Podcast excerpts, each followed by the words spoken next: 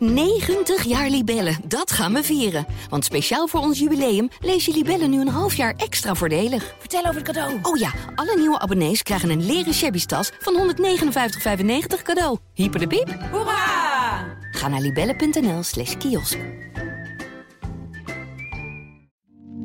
Hey, welkom bij Slaapkamergeheimen. De podcast waarin echte vrouwen spannende en waar gebeurde verhalen over hun seksleven vertellen. Luister je mee?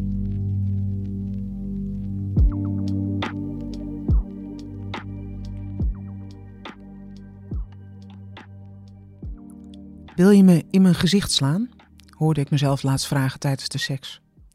Waar het vandaan kwam, weet ik niet, maar hij deed het. En ik werd er super geil van. Blijkbaar ben ik dus een vrouw die het fijn vindt om in haar gezicht geslagen te worden tijdens de seks. Wie had dat ooit gedacht? Ik in elk geval niet. Ik heb twintig jaar in een min of meer seksloos huwelijk gezeten. Mijn ex had er weinig behoefte aan. Zeker toen er eenmaal kinderen waren, deden we het eigenlijk nooit meer. Toen dat huwelijk voorbij was, ben ik een poosje op Tinder gaan kijken. Niet dat ik per se op zoek was naar een relatie, maar ik wilde wel weer eens intiem zijn met iemand. Het profiel van Michel sprak me aan en blijkbaar was dat wederzijds. We chatten wat over en weer en toen hij me belde ontdekte ik dat een iPhone uitvalt na twee uur bellen. We hingen zo lang aan de lijn en bespraken ook van alles. Ook seks. Ik vertelde dat mijn huwelijk wat dat betreft niet erg bevredigend geweest was en dat ik nu wel op zoek was naar iets meer actie. Wat ik dan lekker zou vinden, wilde hij graag weten. Daar had ik geen duidelijk antwoord op. Ik had het boek Fifty Shades of Grey gelezen en dat had me wel geprikkeld. Misschien kon hij daar wat mee. Nou, dat bleek een schot in de roos. Hij had interesse in BDSM en ook al een beetje ervaring. We spraken af voor een date en tijdens die date hadden we onze eerste sessie. Ik was de onderdanige en hij de dominant. Hij blinddoekte me en bond me vast en ik voelde aan alles dat dit was waar ik naar verlangde. We hadden van tevoren afgesproken die eerste keer niet te penetreren, maar op een gegeven moment werden we zo opgewonden dat we die regel braken. Het klopte gewoon aan alle kanten. Nu zijn we vijf jaar verder en we hebben nog steeds elke week een sessie. Hij blinddoekt me, zet me op een kussentje en dan hoor ik hem door de ruimte bewegen om dingen klaar te leggen. We hebben inmiddels een hele tas vol attributen die hij kan gebruiken en hij verrast me elke week weer. Dan heeft hij weer haakjes in het plafond van de zolder gemaakt, zodat hij me daar kan vastbinden. Of hij komt met shibari-touw en heeft via YouTube opgezocht hoe hij me in moet knopen. Dat is zo heerlijk voor mij in deze positie. Ik hoef zelf nooit iets te bedenken. Het is alsof ik elke week een cadeau van hem krijg en ik hoef het alleen maar uit te pakken. Als vrouw en als moeder ben ik gewend om altijd maar te geven en te faciliteren.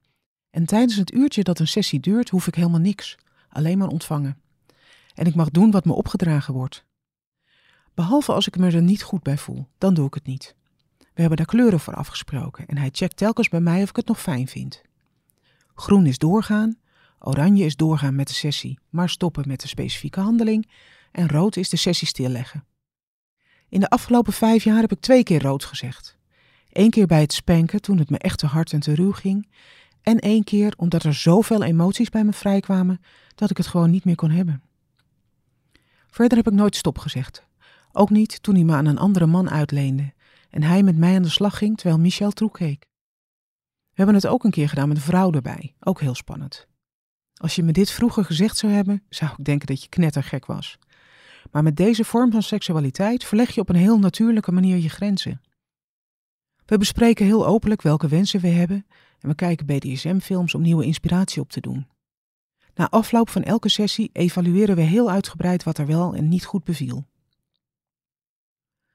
Zo komt er meer en meer ruimte en blijkt je dingen lekker te vinden waar je vroeger nooit bij stilgestaan had. Hij beft me bijvoorbeeld tegenwoordig, terwijl hij dacht daar niet van te houden. En ik vind het blijkbaar opwindend als hij me in mijn gezicht slaat. Heel apart. We hebben een heel gewone relatie met Netflix en irritaties, maar eens per week gaan de gordijnen dicht en kan ik me helemaal overgeven. Dit is precies wat ik nodig had in mijn leven. Bedankt voor het luisteren. Voor meer verhalen ga je naar libelle.nl/slash slaapkamergeheimen. Heb je zelf een spannend verhaal dat je anoniem wilt delen? Stuur dan een mailtje naar redactie.libelle.nl.